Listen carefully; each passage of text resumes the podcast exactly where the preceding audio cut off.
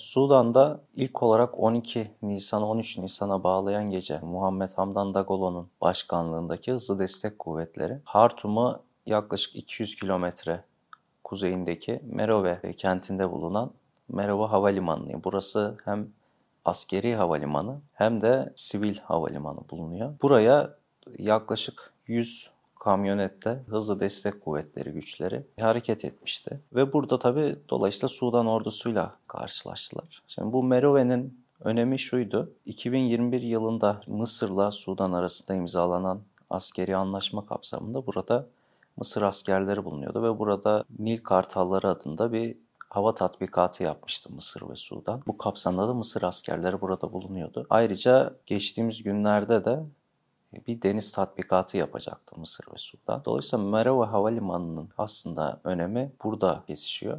Yani buraya hızlı destek kuvvetlerinin gitmesi ve Sudan ordusunun sizin buraya girmeye hakkınız yok demesi iki aktör arasında yaklaşık son iki aydır, üç aydır medyada dillendirilmeye başlanan bu iki aktör arasındaki sorunun daha böyle sıcak çatışmaya dönme noktasında medyaya yansıdığını gördük. En sonda Cumartesi günü sabah saatlerinde hızlı destek kuvvetleriyle Sudan ordusu mensupları arasında, Sudan ordusu personeli arasında çatışmaların yaşandığı kaydedildi. Yani bu durum aslında hala devam ediyor ve şu anda da çatışmalar devam ediyor Sudan'da.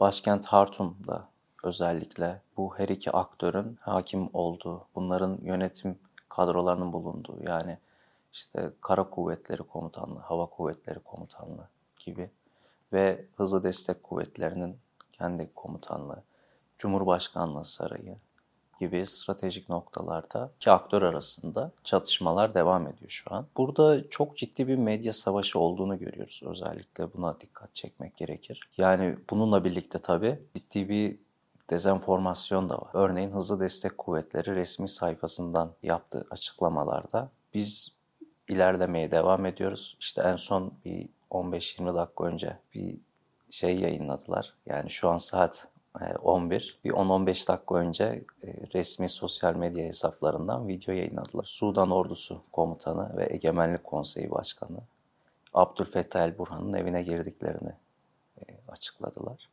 Bunu bir video ile gösterdiler. Yani şu anda aslında iki aktör arasında hangi aktörün hangi aktörü yendiği veya hangisini yenildiği gibi bir durum söz konusu değil. Şu an çatışmalar devam ediyor. Fakat şöyle bir gerçeklik var. Sudan ordusu hava kuvvetleri gibi yani pek çok unsuru olan bir kuvvet. Yani bir ordu yani.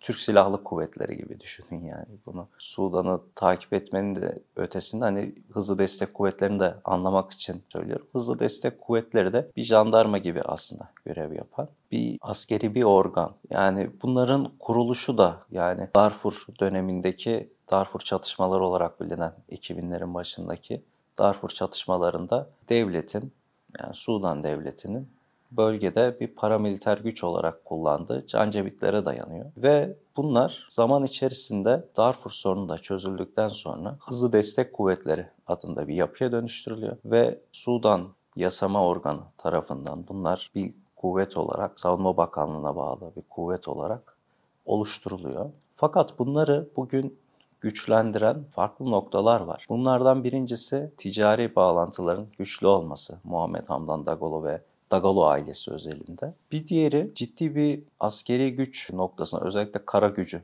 noktasında hızlı zaten isminden de anlaşılacağı üzere hızlı bir şekilde olaylara müdahale edebilme kapasiteleri var. Bu hızlı destek kuvvetleri yani ciddi bir askeri güvenlik ekipmanları olduğunu söyleyemeyiz. Daha çok küçük askeri araçlarla varlık gösteriyor ve hızlı bir şekilde hareket ettikleri için olaylara hızlı bir şekilde müdahale ediyorlar. Yani e, bir nevi bir jandarma gibi aslında hareket ettiğini söyleyebiliriz bunların. Yani bir paramiliter güç. Şimdi bunların Sudan içerisinde güçlenmesi noktasında özellikle Ömer el-Beşir'in karşı protestolar sürecinde bu hızlı destek kuvvetleri de protestolara destek vermiş ve Ömer el-Beşir'in düşürülmesinde destek olmuştur bu sürece. Yani Sudan ordusuyla ortak bir şekilde bu Ömer el-Beşir'e karşı darbeyi yapmışlar. Ve takip eden süreçte de hızlı destek kuvvetlerinin komutanı Muhammed Hamdan Dagalo'nun Abdülfettah el-Burhan'ın yani Sudan ordusunun komutanının ve sivillerden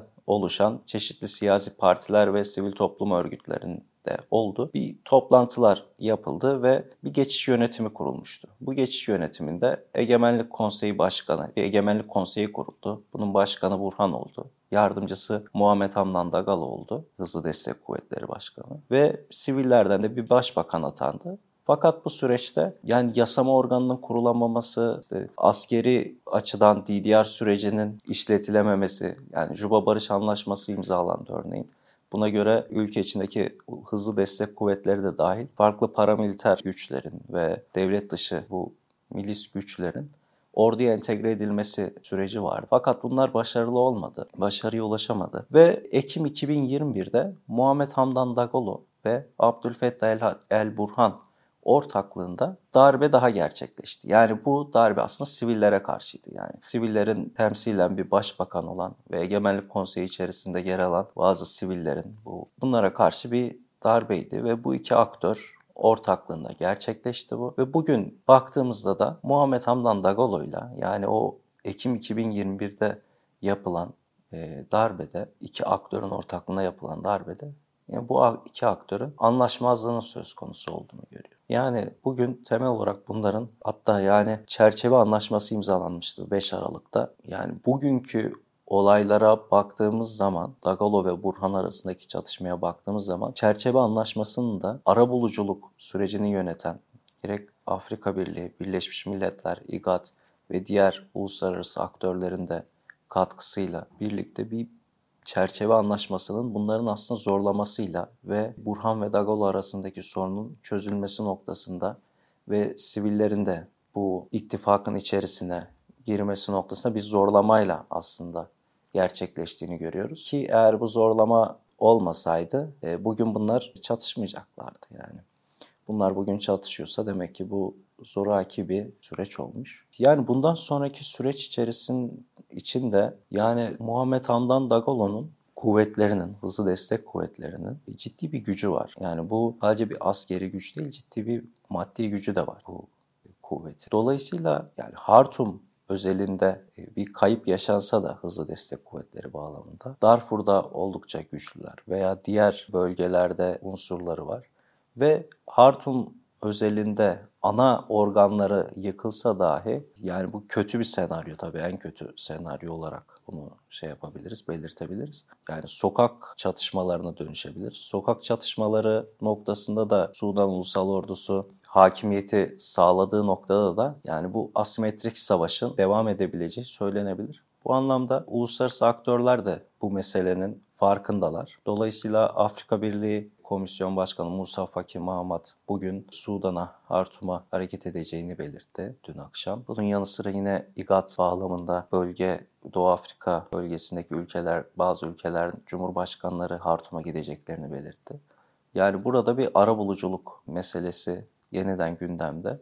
Çünkü yani Sudan'da yaşanacak bir çatışma gerek göç gerekse güvensizliğin yayılması noktasında Çad'ı, Mısır'ı ve iç karışıklıklarıyla zaten son dönemde ciddi sorun yaşayan Etiyopya'yı, benzer şekilde Eritre'yi hatta yani denizden komşu olan Suudi Arabistan'ı, Sudan içerisinde ciddi ticari varlığı ve diplomatik varlığı bulunan Birleşik Arap Emirlikleri'ni ve hatta Türkiye'yi de etkileyeceğini söyleyebiliriz, olumsuz etkileyeceğini söyleyebiliriz. E, bu anlamda yani uluslararası aktörler de burada yeniden barışın tesis edilmesi ve geçiş sürecine hızlı bir şekilde dönülerek demokratik bir sistemin yeniden kurulması noktasında bir istekliliği olduğunu, bu anlamda onların da bu durumun çıkarını olacaklarını, çünkü mevcut çatışmaların çıkarlarını etkileyeceğini söyleyebiliriz.